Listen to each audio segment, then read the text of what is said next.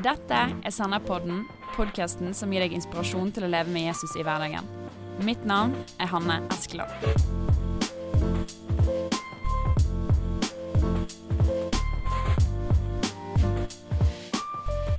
Da er vi klar for en ny episode av Senderpodden. Og dette tror jeg blir en skikkelig viktig en, folkens. Så nå er det, gjelder det å høre godt etter. Og med meg i dag så har jeg selveste, sier selveste, Andreas Nordli i eh, Ungdom i oppdrag. Velkommen.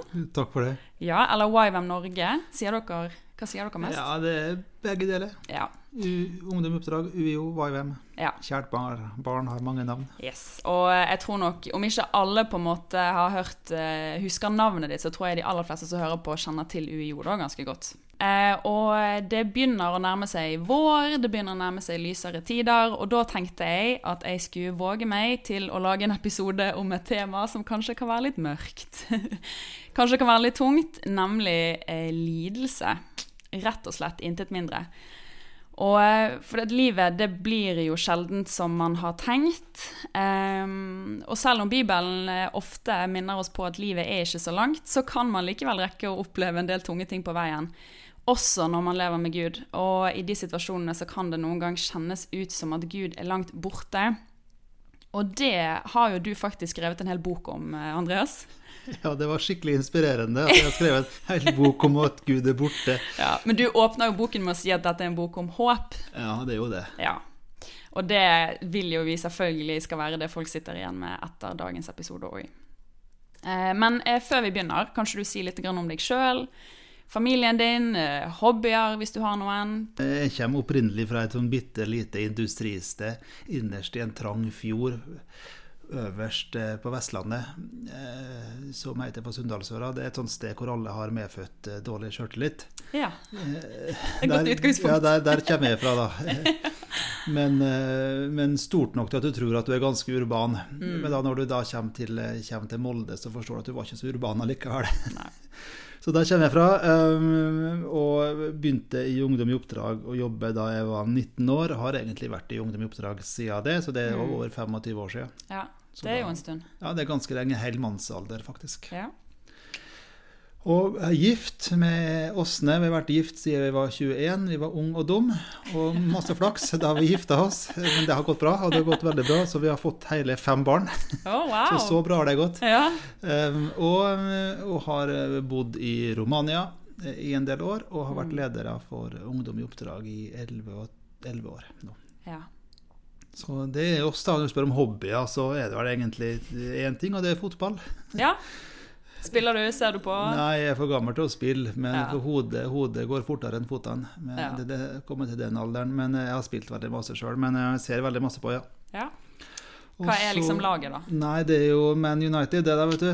Og Vålerenga. Så, eh, og så det, tro det eller ei, så digger jeg arbeid i hagen. Ja.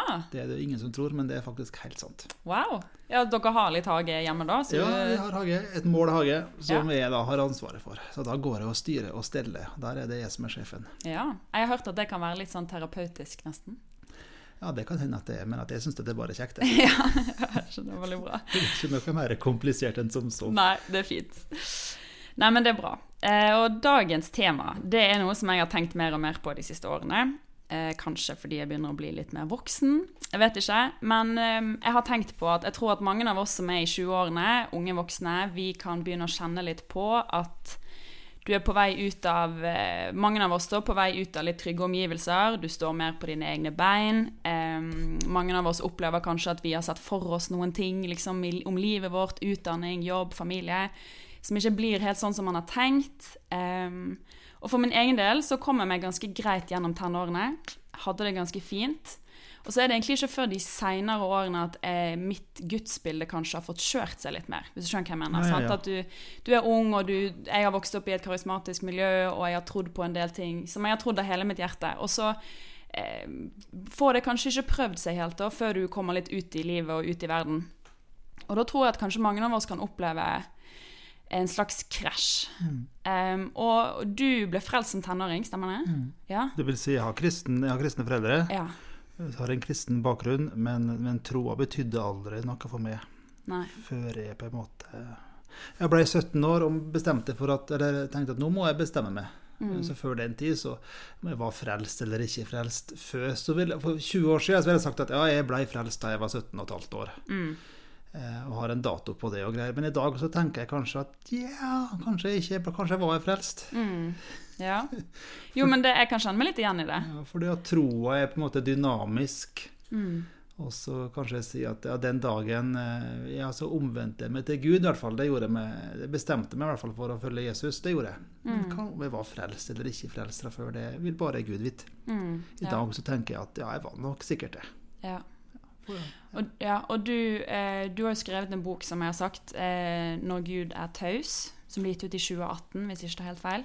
Og da eh, beskriver du at du kanskje opplevde et slags sånn eh, En stund da et overfladisk kristenliv. Eller at gjerne sant, det å være en del av et karismatisk miljø, det er en del ting som forkynnes, sant, det er en del ting man tror på, som i senere tid, litt sånn som jeg har sagt, sant, får prøvd seg litt og kjørt seg litt. Kan du si litt om hva, hva, hvordan det var for deg? Ja, men det gjelder ikke bare karismatiske miljø, det gjelder egentlig eh, prosessen i å bli voksen. er. Mm. Fordi at når du er 17 år, eh, 18 år og 19 år, så er det veldig mange unge mennesker som tror på ideer. De tror sterkt på noe. Mm. Om det er natur og ungdom, eller om det er rød ungdom, eller Mm. om det er Unge Høyre, eller om det er ungdom i oppdrag, eller hva det skulle være, så tror du på Du skal forandre verden, og du Mm. tror på noe, Mm. og så går du all in. Og så er det da gjerne enkle svar på kompliserte spørsmål, for verden er svart-hvitt. Mm. Det er sann, sannhet, og det er løgn. Og, og så skjer det noe da når en blir sånn i sosialiseringsprosessen, eller i, i prosessen med å bli voksen, at når du blir 22 eller 21 eller 25 eller 30 Mm. I den perioden så erfarer en at livet er ikke nødvendigvis bare enkle svar på kompliserte spørsmål. At det blir en avstand mellom visjon og idé på den ene sida, Mm. og virkelighet på den andre sida. Mm. Og det, det, det er på en måte Jeg har snakka med mange som har vært med i, i, i, i ikke-kristne bevegelser, og som skulle forandre verden, Mm. og som er 40 år og desillusjonert. Ja. Så Det er ikke bare karismatiske kristne sammenhenger det skjer. Det skjer i Norske kirke, og det skjer i TenSing, og det skjer mange plasser. Ja. ja, det er sant. Men, men, men, men poenget er at vi må da bygge bro mellom virkeligheten og visjonen vår. Mm. Eller virkeligheten og ideene. Mm. Eller virkeligheten og idealet. Ja.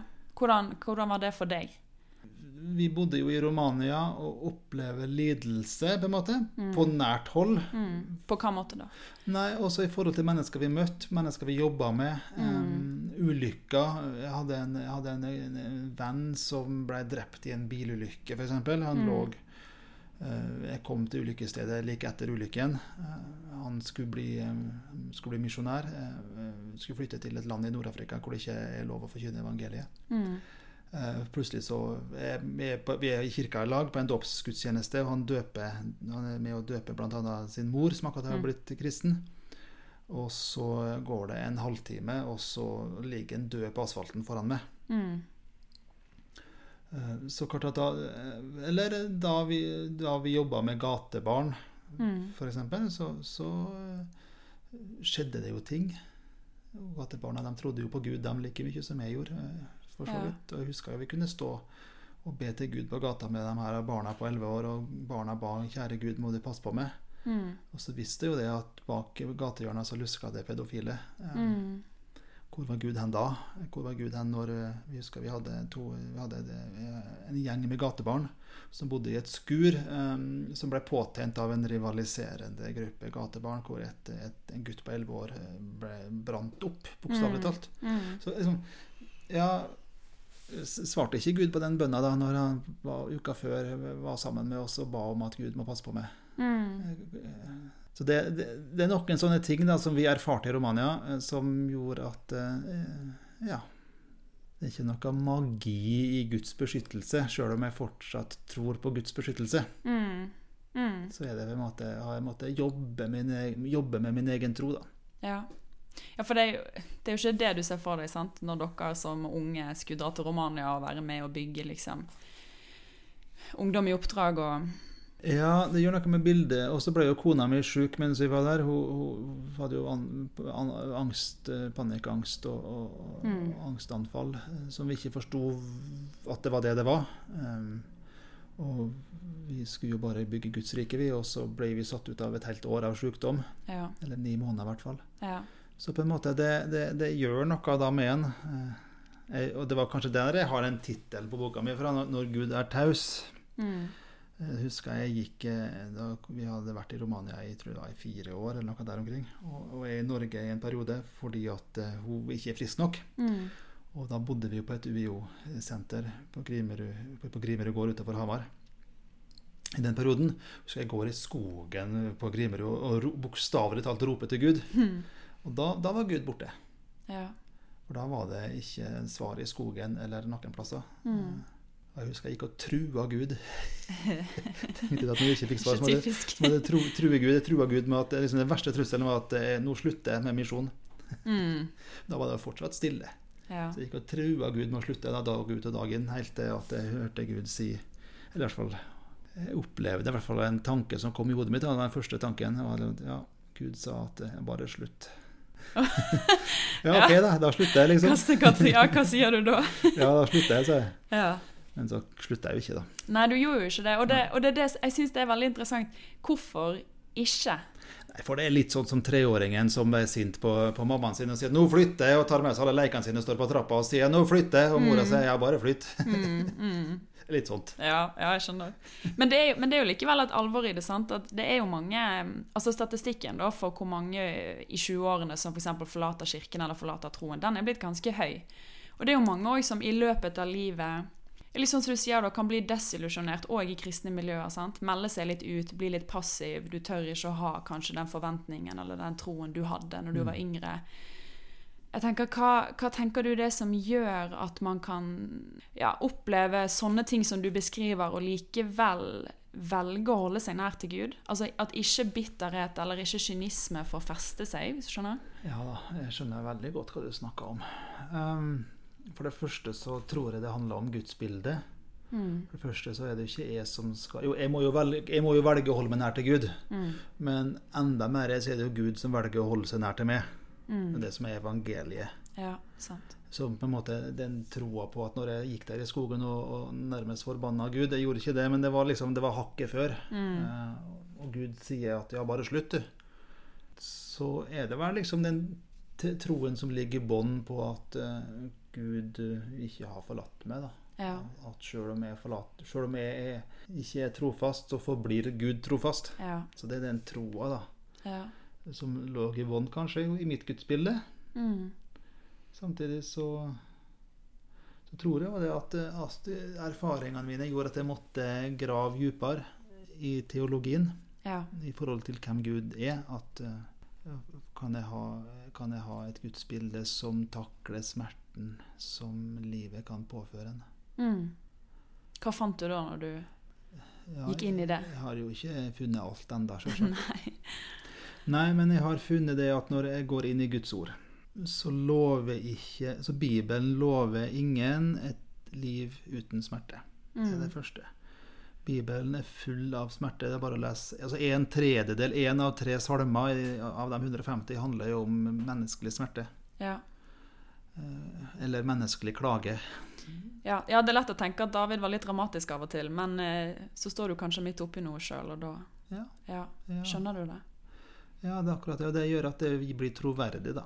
Mm. Og når du ser på trosheltene gjennom Det gamle testamentet, så hadde de jo alle sammen gikk jo i ørkenen, enten i bokstavelig forstand eller i overført betydning, hele gjengen. Ja. Moses var jo 40 år i ørkenen, sant ja?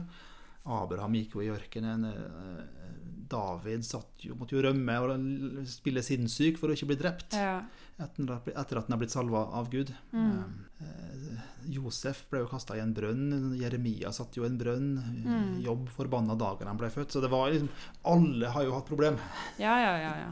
Det skjuler ikke Bibelen. Nei, det gjør ikke det. Det gjør, det gjør jo at Bibelen er troverdig, da. Ja. Men hva er det du tror det er som gjør at vi eh, for jeg tenker, veldig mange jeg møter, sant, når du snakker om livet og drømmene, og hva føler du at du er blitt kalt til Det er på en måte ikke så mange jeg snakker med som regner med lidelse i det regnestykket, hvis du skjønner. sant? Når du ser for deg ting. Eller mange av oss da, kanskje har fått en, en tro eller en tanke om livet som gjør at vi ikke forventer de tingene. Og så blir vi så sjokkert når det kommer. Ja, så Vi lærer jo, også vi synger den sangen som Børud har skrevet, som for så vidt er veldig fin. At jeg har en engel som passer på meg, en engel som en engel utvalgt for meg, eller hva det nå er. sant? Ja, så Vi har jo den troa da, som er en sunn og god barnetro. Men klart at eh, vi må på en måte formidle og lære oss et gudsbilde som er, er større. da. Selv om det er sant, så er det på en måte sannheten er større. Ja. Um, å være realistisk med det, at det er på en måte rom for ubesvarte spørsmål. Mm. Jeg tenker jo at tvil er jo ikke motsatsen til tro. Nei. Jeg tenker jo at tvilen er gjerne en integrert del av troa. Mm. Eh, Vantro er på en måte kanskje motsatsen, da. Men, mens tvil er på en måte Jeg kan jo tvile på om av og til så kan jeg tvile Jeg tror aldri jeg tviler på om Gud fins, men jeg har av og til tvila på om Gud er god. Ja. Det tenker jeg på en måte er en del av av, av troa, jeg, da. Mm. Og kunne snakke om det, men ikke la, ikke, ikke la meg styre av tvilen, for det vil jeg ikke. Nei. Jeg vil ikke at tvilen skal vinne over troa, men jeg må på en måte kunne av og til si at nå, det her ble vanskelig for meg. Ja. Men samtidig holde fast da på Guds løfter gjennom ja, når det kan være svart. Mm. Tror du noen ganger at vi kanskje Ikke alle, men mange kanskje unngår å snakke om tvil eller unngår å snakke om lidelse fordi vi ikke vil skremme hverandre eller skremme folk? Ja, Det kan tenkes. Det har aldri vært eh, Ikke for meg så har ikke det vært Nei. en issue, men eh, kanskje for meg har det kanskje vært slik at det har vært vanskelig å snakke om tvil, eh, og fordi at eh, jeg har vært redd for at eh, eh, noen skal avsløre at jeg ikke er så flink kristen likevel, da, som jeg kanskje Ja. framstår. Ja, Det tror jeg ikke du er alene om. Så. Ja, Det tror jeg mange kan kjenne seg igjen i.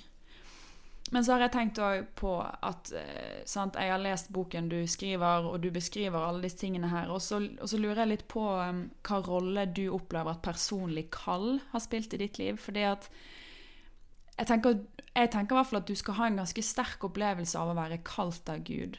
For å liksom eh, fortsette å jobbe, da. Når du møter sånne ting. Hva, hvordan har det vært eh, for deg? Kall er veldig viktig. Ja. Kall er kjempeviktig. Og vi har, jeg har, sånn, har, noen, har flere episoder for erfaringer erfaring av Guds kall. Um, Men, men eh, kall er veldig viktig. ja. Um, jeg kommer fra en menighetsbakgrunn og kristent fellesskap som, som har kanskje et veldig sterkt fokus på det kollektive kallet. sant? Og, og misjonsbefalingen og vi, liksom det store vi-et. Vi skal bygge Guds menighet, vi skal på en måte bringe evangeliet til verden. Og så. Men det er ikke alltid at det kanskje holder, rett og slett. At du, tror du at, at personlig kall er altså nødvendig egentlig for å stå i sånne ting? Nei jeg, tror, jeg tror personlig kall er veldig viktig. Det individuelle kallet er viktig, og det kollektive kallet som du snakker om, er viktig. Men, men kanskje e- enda Men det er jo subjektivt. Ja. Det, det, er på en måte, det er min opplevelse. Jeg tror på en måte er så enkel er det, at jeg tror på en måte fundamentet Vi må på en måte hakke dypere ned enn bare det subjektive erfaringen av et personlig kall. Vi må på en Ja. måte hakke lenger ned, og det handler om Guds ord. Ja. Så vi må ned på hva det Guds ord egentlig sier. Så Derfor har jeg egentlig, jeg har egentlig slutta å si at Gud har en plan med livet ditt. ja. Jeg tror ikke kanskje Gud har én plan med ditt liv. Ja, for det, det sier vi til hverandre. Og Gud har en stor plan for livet ditt òg, kan vi si. Ja. Og Ikke det- sikkert, ikke sikkert den her. Ja, men det, jeg lurer på om altså, det Hva kan, er en stor plan? Det Ja. stor, eh, definerer vi stor ut fra menneskelige termer? mm, Og jeg, jeg tror fort at når man sier det, så skaper man et bilde. Sant? Hvis noen sier det til meg, så får jeg automatisk et bilde av at jeg skal lykkes i noe. Sant? Og da så kommer disse opplevelsene sånn som de du beskriver. Og så blir det litt sånn OK, men hva skjedde med den store planen for livet mitt? Må du ha plan B da, hvis du tok feil? Eller plan C eventuelt? Ja, Jo, men det er jo Altså, vi kan le litt Dette av kan om du men gifte deg med feil person, da. Ja. Da er du i hvert fall ute av Guds plan. Åh, ja. Ja, men vi kan Ja, le litt derfor av det. derfor er men det ingen, det- ingen kristne 20-åringer som tør å gifte seg. Vet du. De må vente med 35 i tilfelle de gifter seg med feil. Ja. ja, ja, ja. Jo, men man skal liksom sikre seg fra å feile, eller sikre seg mot å mislykkes. Hva er det Har det vært sånn for deg òg? Ja, er kanskje litt, men jeg tror på en måte at eh, Jeg, tror, jeg har slutta å si at Gud har en plan med ditt liv, men istedenfor har jeg sagt at jeg må, altså Det er et engelsk ord som heter for 'to align'. Jeg må, på en Mm. måte, jeg må legge livet mitt i linje med Guds hensikt med verden. Mm. Så Derfor så tenker jeg at Gud kanskje ikke har en detaljert plan for mitt liv, men han har en hensikt med mitt liv. Ja. Og det at mitt liv skal leves i henhold til Guds hensikt. Mm. Og så I den forstand så har jo Gud en plan, Ja. men den planen er ikke sikkert at den er detaljert. Mm. Men han har en, Gud har en hensikt Mm. som er overordna og evig, og så har han òg hensikter med enkeltpersoner. Og, og trenger, det er mitt ansvar å, måte, å leve livet mitt i henhold til den hensikten. Mm. Men hvis vi går litt tilbake til på en måte lidelsen eh, Er det sånn at Gud forårsaker vonde ting i livet vårt av og til? Altså, Jeg føler at jeg vet svaret, men jeg spør likevel. Ja, hva er svaret, da? Nei, jeg tror jo at Gud eh, tillater. Ja, Det er noe helt annet enn å forårsake. ja. Men sant, jeg har jo venner som eh, sant, En venninne så plutselig så blir faren syk av kreft, og så sier hun ja, men Gud har en mening med dette òg. Eller det er vel meningen at dette skal skje. Og, så, og det syns jeg er litt vanskelig. Er, er det det? Jeg tror jo at lidelse aldri kommer fra Gud. Mm. Det er min eh, enkle teologi. Men må, derfor må vi skille da mellom Guds Og Gud tillater Vi må på en måte snakke om forskjellen mellom Guds indirekte tillatelse Mm. og Guds hensikt. Ok. Hva mener du med indirekte tillatelse? Nei, at Gud, Gud gir en indirekte tillatelse. Eh, altså ved at han, han, har gitt Gud, han har gitt ondskapen en indirekte tillatelse ved at, at ondskapen eksisterer. Gud er skaper av alt. Mm. Og så har han da tillatt at ondskapen eksisterer. Og han har tillatt mennesket å velge ondskap. Mm. Han har tillatt eh, at onde ting skjer. Han har skapt naturen som et system. Jordskjelv, f.eks. Vulkanutbrudd. Mm. Noe som er i naturen som forårsaker lidelse. Eh, og som Gud har på en måte indirekte tillatt da, som et resultat av syndefallet. Mm. Så, men det er ikke Guds hensikt at, at ondskap skal skje. Så vi må skille mellom Guds vilje og, Ja. og Guds indirekte tillatelse. Ja.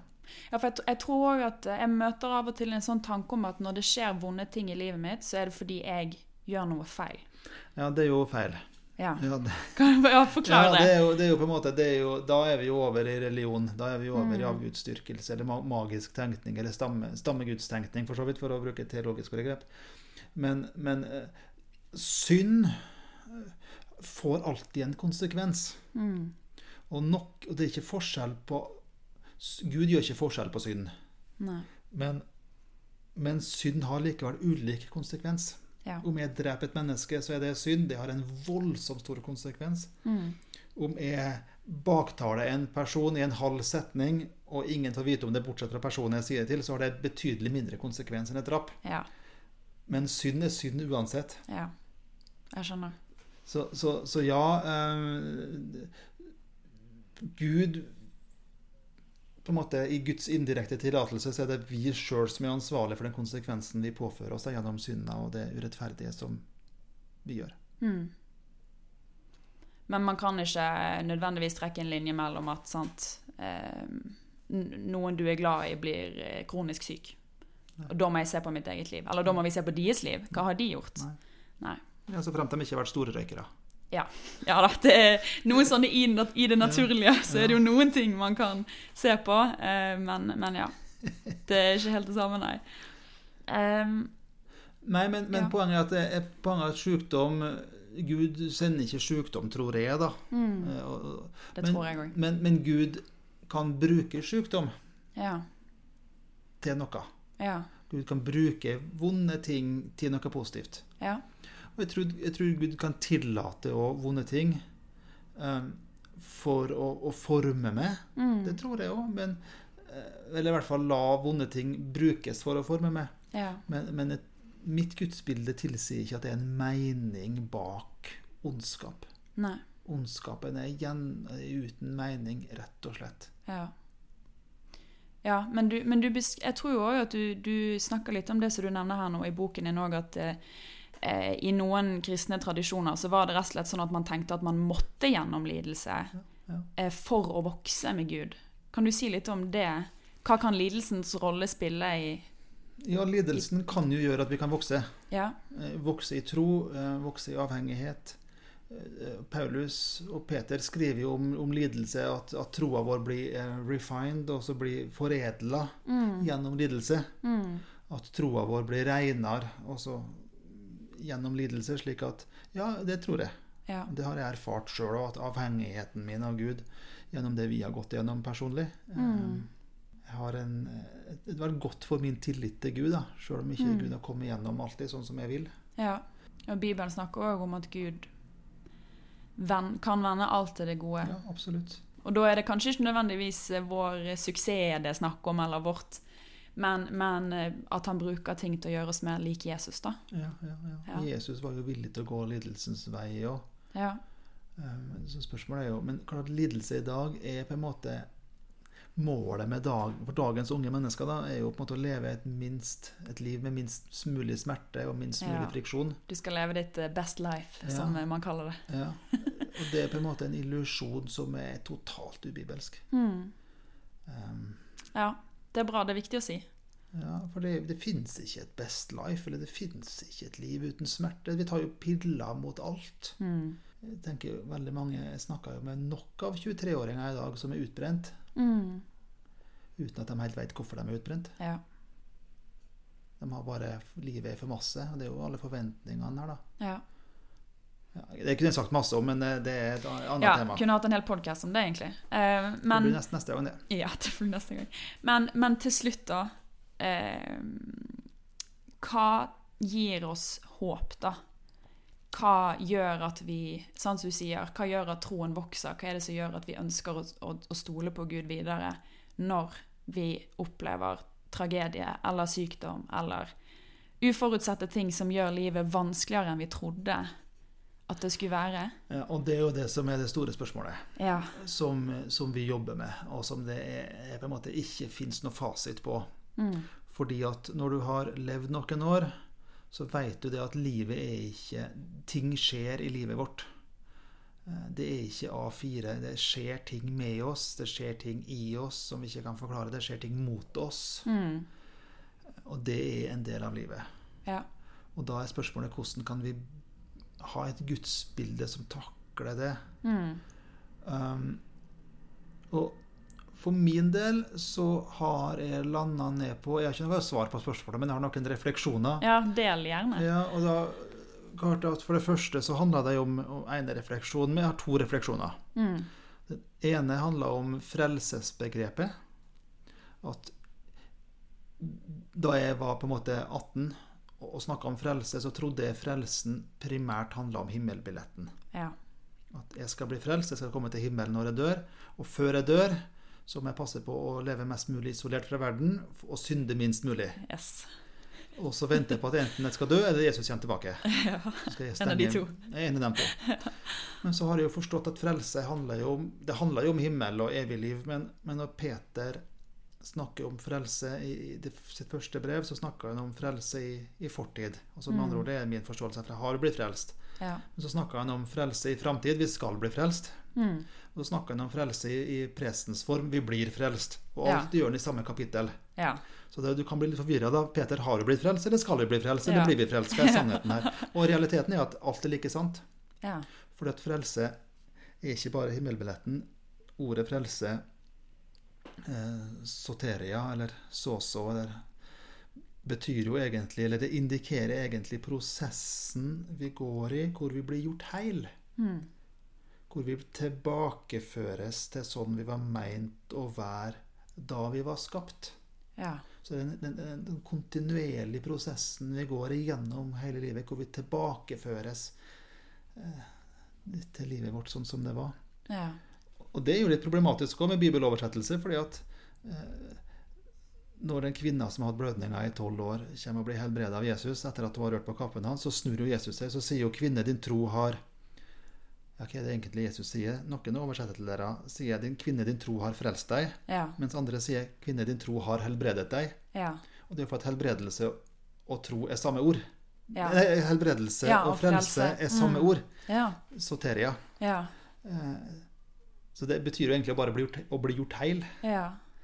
Så det, det er det første jeg tenker. Mm. Første refleksjon. Altså vi går i denne prosessen hvor vi blir gjort heil, og det er en måte en frelsesprosess. Å bli frelst tar hele livet. Ja. Ja. Så har vi blitt frelst, men så skal vi bli frelst. Ja. Og det leder meg inn i min andre refleksjon, og det handler om forskjellen på forsoning, som vi har blitt. Vi har blitt forsona med Gud. Mm. Det er frelsen i fortid.